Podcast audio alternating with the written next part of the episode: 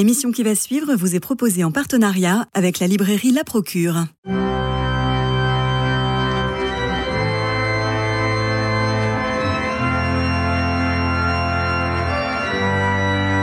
Culture Club, une émission de Radio Notre-Dame en codiffusion avec RCF. Christophe Maury.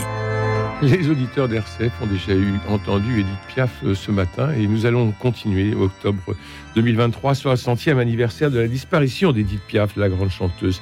C'est un événement qui nous touche parce que la personne d'Edith Piaf a marqué les cœurs de plusieurs générations. Pierre Fesquet, vous êtes comédien. Je me souviens d'un très beau spectacle de Peggy pour lequel vous partagez la scène du Poche Montparnasse avec euh, Michael Lonsdale, notre regretté ami. Et vous publiez chez Salvatore un livre sobre et touchant, vibrant, Piaf, un cri vers Dieu. Alors samedi, vous participerez aux hommages au programme à 10h30 à l'église Saint-Jean-Baptiste de Belleville. Il y aura une grande messe hommage qui sera donnée en présence des proches de l'artiste et de nombreuses célébrités du monde de la musique. À 11h45 sur le parvis de l'église Saint-Jean-Baptiste de Belleville, il y aura un concert gratuit ouvert à tous, assuré par Anne-Sophie Guerrier, la voix de Montmartre, accompagnée de son accordéoniste. Et puis à 14h30 au cimetière du Père-Lachaise, il y aura un dépôt de gerbes et une bénédiction de la tombe d'Édith Piaf. Savez qu'au moment du décès, l'archevêché de Paris avait donné un communiqué, je cite, Si les honneurs de l'Église réservés à ses défunts ne peuvent lui être rendus en raison d'une situation irrégulière, l'aumônier de l'Union catholique viendra lundi au cimetière du Père-Lachaise prier sur la tombe de l'artiste. Pas de messe donc en ce début d'octobre 1963. Il ne nous appartient pas de juger les âmes, mais vous raconter, Pierre Fesquet, la vie d'Édith Gassion, Édith Giovanna Gassion, dite Édith Piaf, née le 19 décembre 1915 à Paris 20 sa mère est chanteuse de rue, son père est contorsionniste dans les cirques, ça démarre très mal. Ah oui, ça démarre très mal. Bonjour Christophe. Bonjour. Oui, c'est une vie très émouvante. Et hum, vous avez évoqué Michael Lonsdale. Je voudrais euh, faire un petit clin d'œil à Michael euh, parce que avec, euh, il avait connu Edith Piaf. Et avec Edith Piaf, ils ont eu tous les deux la grâce de l'odeur de rose promise par Thérèse Lisieux, qui promettait d'envoyer une pluie d'eau.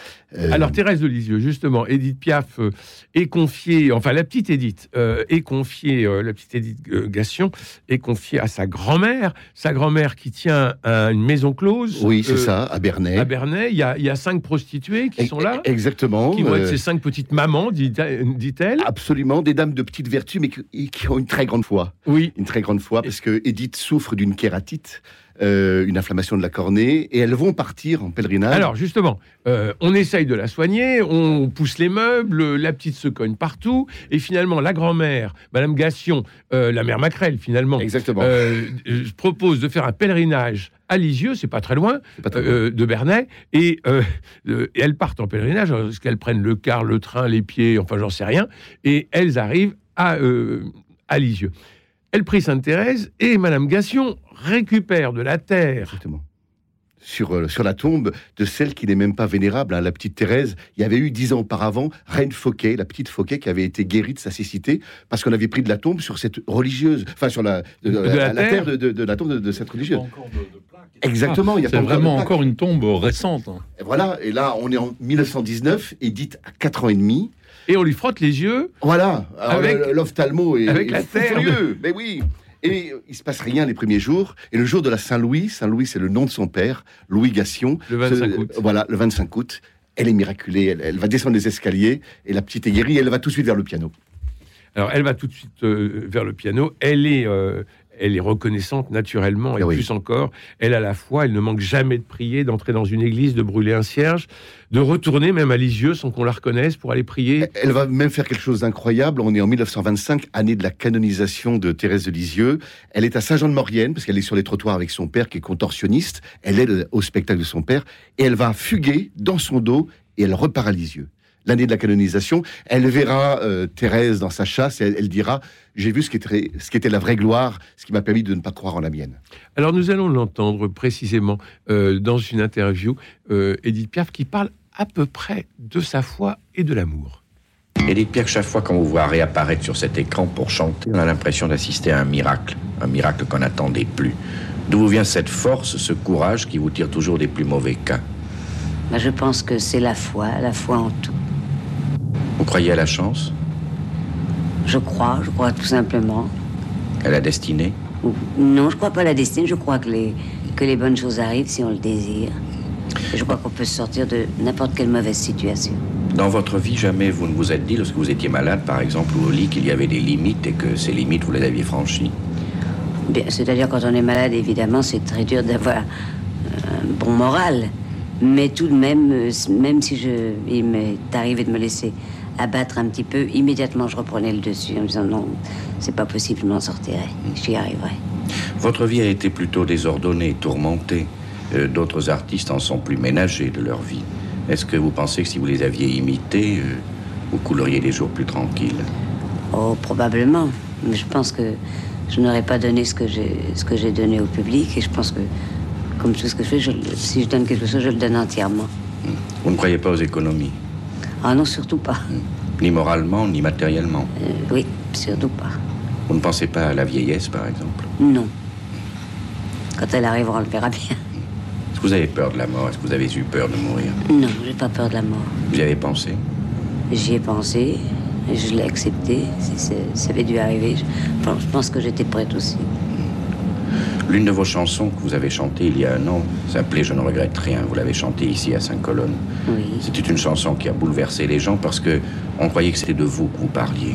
Est-ce que c'était de vous que vous parliez Lorsque vous jugez votre vie, est-ce que vraiment vous ne regrettez rien Si vous pouviez Ah, la refaire, Exactement la même. la même. Vos chansons chantent toujours l'amour. Mais on sait que pour vous, l'amour n'est pas qu'un mot, n'est pas seulement un thème de chanson. Qu'est-ce que vous attendez Qu'est-ce que vous avez attendu de l'amour, Edith Piaf Mais ce qu'il m'a donné, C'est-à-dire le, le merveilleux, le triste, le tragique, l'extraordinaire, des déceptions aussi. je n'ai jamais été déçu. Vous ne vous êtes jamais dit que l'amour, les chansons, ça n'a qu'un temps. Qu'est-ce qu'il y aura après pour vous? Je ne sais pas, mais je, il y aura toujours quelque chose. Vous ne posez pas la question? Non. Beaucoup de vedettes vous doivent leur carrière. De vedettes aujourd'hui, des hommes d'ailleurs surtout.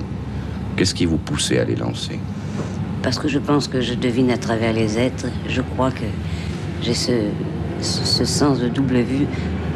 Même si, si personne ne le voit, moi je sais que deux ans après, je, je vois le personnage tel qu'il sera.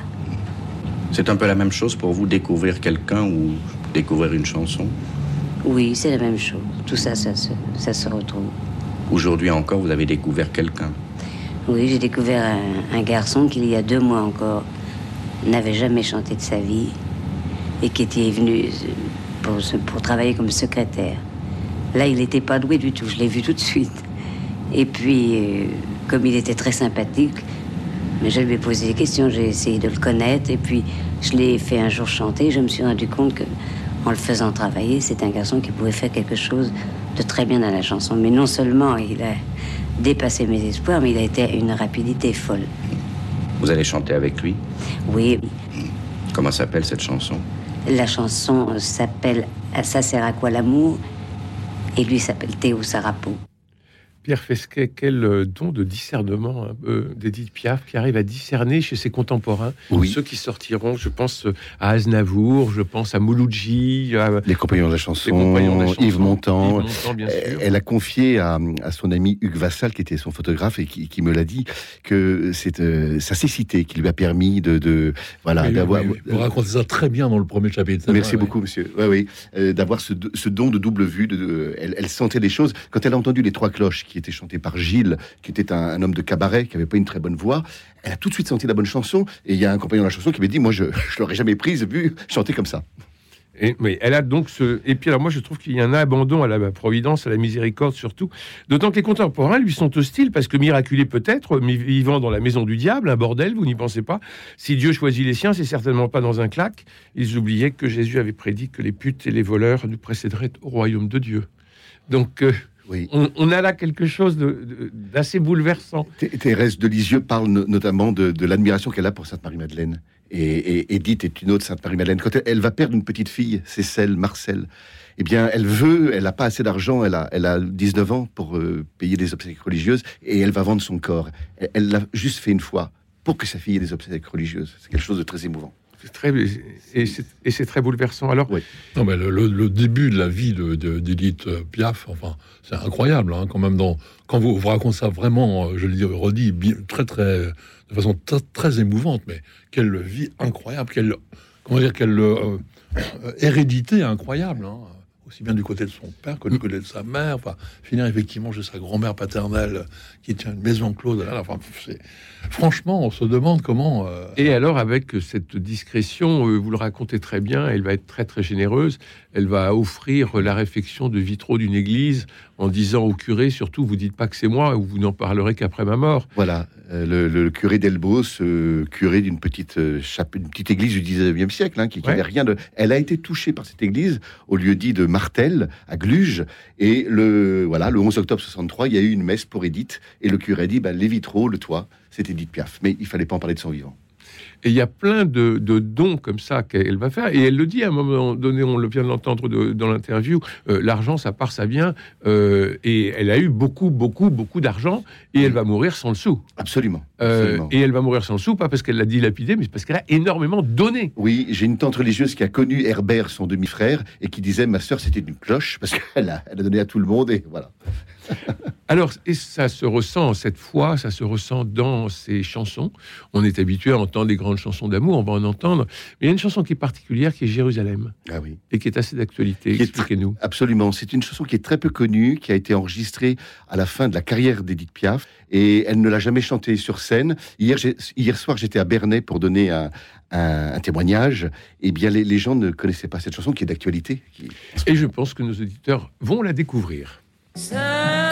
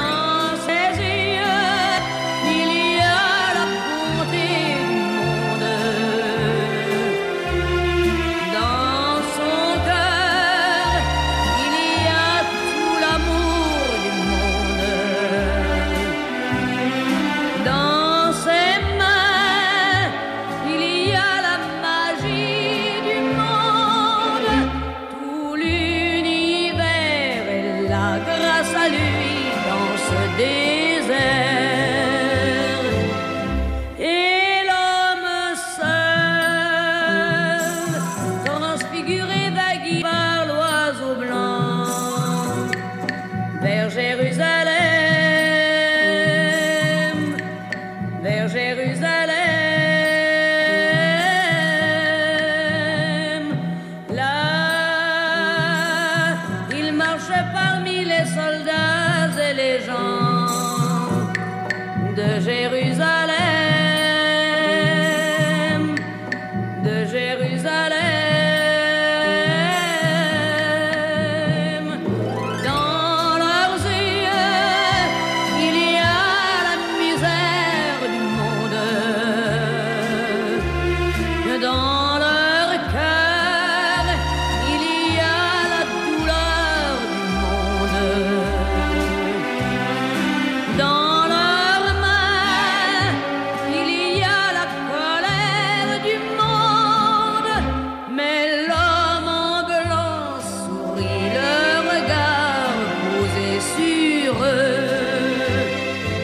L'amour du monde, la douleur du monde, la colère du monde, avec cette vocalise orientale quand elle chante Jérusalem. Elle avait un arrière-grand-père euh, d'Afrique du Nord, hein. donc euh, on, voit qu'elle a, elle a cette couleur euh, incroyable.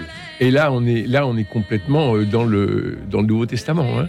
et, et elle elle le dit avec, elle le chante avec une foi incroyable. Il y a une autre, il y a une autre chanson, c'est euh, dont la fin est magnifique. Vous pouvez nous en parler, euh, Pierre Fesquet. Vous, l'évoquez dans votre livre Piaf, un cri vers Dieu, publié chez Salvatore. Oui, absolument. Euh, Sœur Anne, Sœur Anne, ne, vois-tu rien venir? Et euh, Piaf prophétise un peu ce qui s'est passé, je trouve, au moment du Covid, parce qu'elle parle d'une terre sans, sans, culture, agraire, de jeunes qui ne savent plus rire, de, de, de, vieux qui sont enfermés. Et, et, ça, et ça annonce un petit peu ce que nous avons pu vivre. Euh, la, chanson et à, la fin, elle dit mais je vois un enfant et sa mère qui arrivent, qui vont nous sauver, mais déjà il porte sa croix. Voilà, un enfant et sa mère qui vont nous sauver, déjà il porte sa croix, sœur Anne. de Michel et Mère, Sœur Anne. Sœur Anne, ne vois-tu rien venir? Je vois des soldats couverts d'armes, prêts à mourir et à tuer.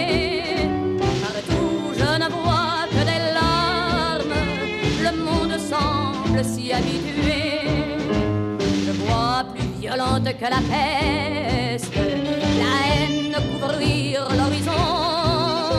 Les hommes se déchirent, se détestent, frontières mitrailleuses, prison. L'amour qui n'a plus rien à faire, vient de nous quitter à son tour. Sur terre, il était solitaire.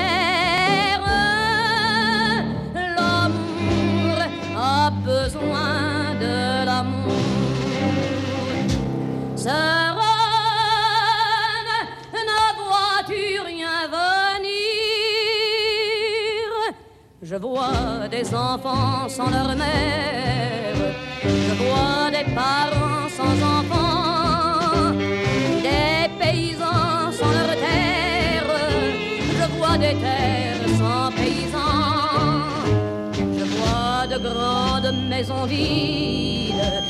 de grands vides dans les maisons. Des gens au visage livide qui marchent sans chanter de chansons. Des hommes qui essaient de sourire, des femmes au regard si heureux, des vieux qui ne savent plus rire, des jeunes qui sont déjà vieux. Sœur Anne, ne vois-tu rien là-haut? Je vois une grande lumière qui semble venir de très loin.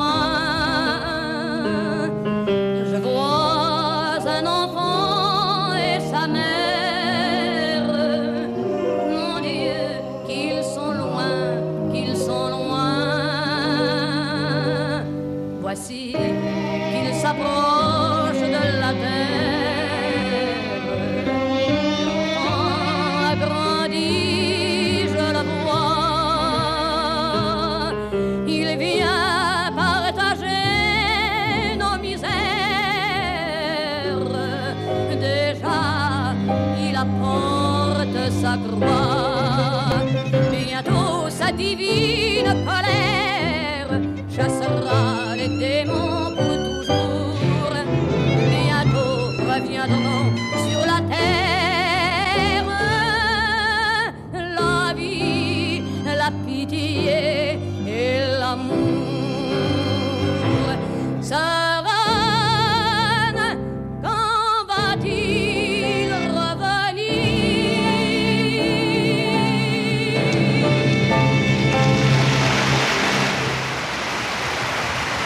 Sur les applaudissements, je rappelle ces quelques mots. Je vois une grande lumière qui semble venir de très loin.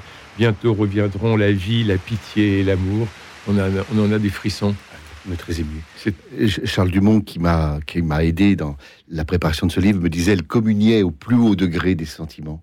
Elle transfigurait ses croix en scène. C'est pour ça que elle a souvent été imitée, mais jamais égalée. Mais oui. La voix de Piaf, elle vient de sa foi. Et elle est complètement euh, incandescente. Exactement. Et lorsqu'elle a, elle a une gestuelle qui est très, très curieuse, parce que lorsqu'elle salue, elle a les mains dans le dos, euh, comme une écolière. Et lorsqu'elle chante, elle a les mains le long du corps. Oui. oui. Et, et elle n'a que 46 ans, elle fait 26 kilos, 1 mètre 48, et on dirait une petite vieille, elle a les mains qui sont toutes, toutes marquées. euh, C'est- c'est par euh, déjà la, la vieillesse, comme si elle donnait tout et elle avait tout donné. Exactement. Exactement. Euh, alors, euh, il y a une chanson, on a, encore un peu de temps, qu'on n'entend pas souvent, qui date de 1953 et qui s'appelle Et moi. Et moi sans toi, je suis perdu. Elle chante l'amour toujours, Euh, mais n'est-ce pas non plus une prière Et moi, et la prière, celle du cœur.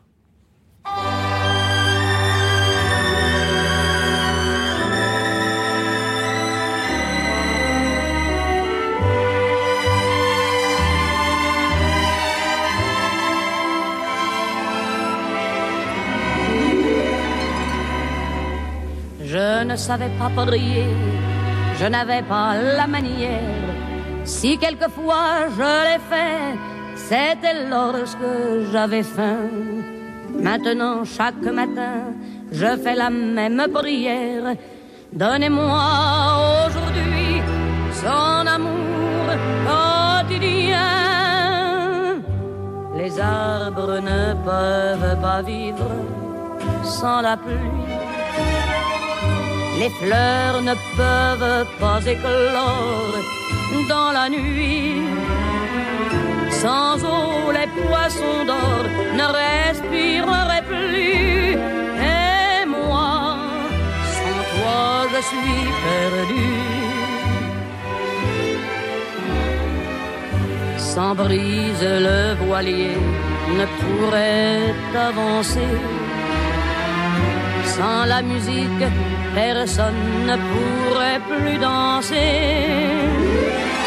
Sans le soleil, les oiseaux ne chanteraient plus.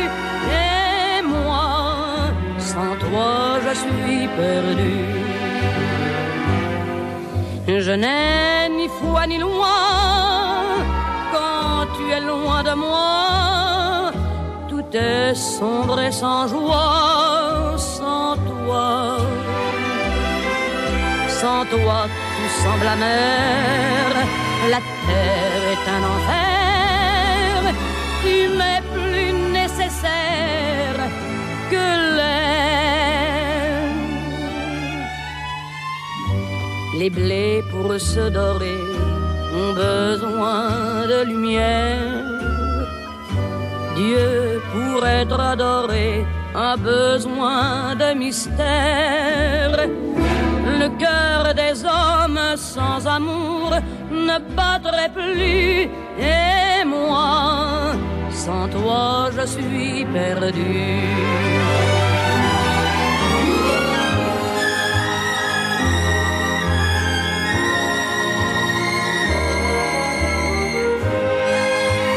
Tous des frissons dans ce studio en écoutant cette merveilleuse euh, chanson et moi de 1953. Et il n'est qu'à écouter ces chansons pour comprendre la pertinence de votre livre, Pierre Fesquet, Piaf, Un cri vers Dieu, paru chez Salvatore. Alors, euh, il faut aussi parler, euh, mais on a très peu de temps, euh, des hommes. Elle aime et veut toujours aller au bout de, des choses, des histoires, des amours. Il y a Louis euh, 83 avenue de la Grande Armée, qui est retrouvé mort chez lui, assassiné. Il, est, il fut la première, le premier vrai directeur d'Édith, le patron du cabaret Le Guernis, rue Pierre Charon. Il y a Raymond Assau, qui sera un parolier enthousiaste, fidèle et talentueux. Elle fréquentait la rue Pigalle. C'est d'elle qui parle souvent. Il y aura Yves Montand, Charles Aznavour, Pils, qu'elle épousera, et puis Marcel Cerdan, l'immense boxeur, champion du monde. Elle lui coud dans son short une médaille de Sainte-Thérèse euh, et prit la Vierge de Lisieux avant le, le grand combat, le championnat du monde. Et Marcel Cerdan va boxer avec une médaille de Sainte-Thérèse dans le short. Avec en plus la prophétie, elle, a eu l'odeur de rose en priant la petite Thérèse de que son voilà que Marcel Cerdan soit champion du monde et elle, elle lui dit tu seras champion du monde. Elle lui prophétise ça. Odeur de rose, euh, les roses de, de Sainte-Thérèse, est-ce que c'est euh, ça qui va donner la vie en rose? Oui, euh, et alors ça c'est incroyable. La vie en rose, c'est elle qui l'a composée, à parole et musique. Comme elle était généreuse, elle, elle a mis un, un musicien pour qu'il puisse toucher les droits à la SACEM. Euh, c'est extraordinaire. Euh, Jean-François Roth, qu'est-ce qu'on Euh, vole sur les... sur- Je, je, je- Sainte-Thérèse, Oui, je, reprenez. je- je prends dans votre livre, devenue grande, Piaf, devenue la grande Piaf, pardon, elle comparera souvent sa vocation artistique à celle de Sainte-Thérèse. Elle dit, une scène, c'est un champ clos, une arène. Il faut combattre, il faut gagner, comme Thérèse l'a fait. C'était une pêcheuse d'âme, moi aussi, je vais les pêcher. Mais il faut avoir Dieu avec soi. Alors, Interview, le- c'est cité par euh, Hugues Vassal. Exactement. Donc, elle est, elle est totalement mystique. Elle est d'une fidélité incroyable. Euh, L'Église, comme je le rappelais, va parler de sa vie irrégulière et donc va refuser euh, un enterrement et même une bénédiction. Il y aura juste une prière. Il y aurait une bénédiction au, au cimetière. Il y, a, il y a eu quelque chose d'incroyable, c'est qu'elle a sauvé un prêtre du suicide, Oui. l'abbé Martin, euh, qui allait à, à son propre échafaud et qui entend la voix de Piaf, un peu miraculeusement, et il retrouve sa vocation, la joie de vivre. Il quitte la dépression.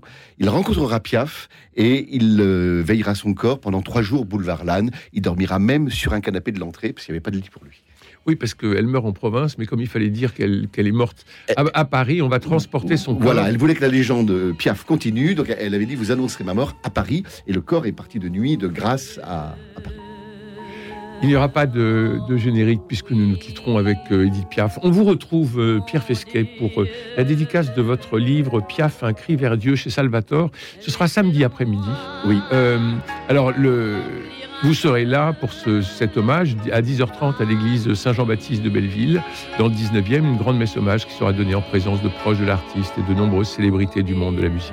À 11h45, sur le parvis d'église de Saint-Jean-Baptiste de Belleville, toujours, un concert gratuit, ouvert à tous, à, euh, assuré par Anne-Sophie Guerrier, la voix de Montmartre, accompagnée de son fidèle accordéoniste. Et à 14h30, au cimetière du Père-Lachaise, un dépôt de gerbes et bénédiction de la tombe d'Edith Piaf.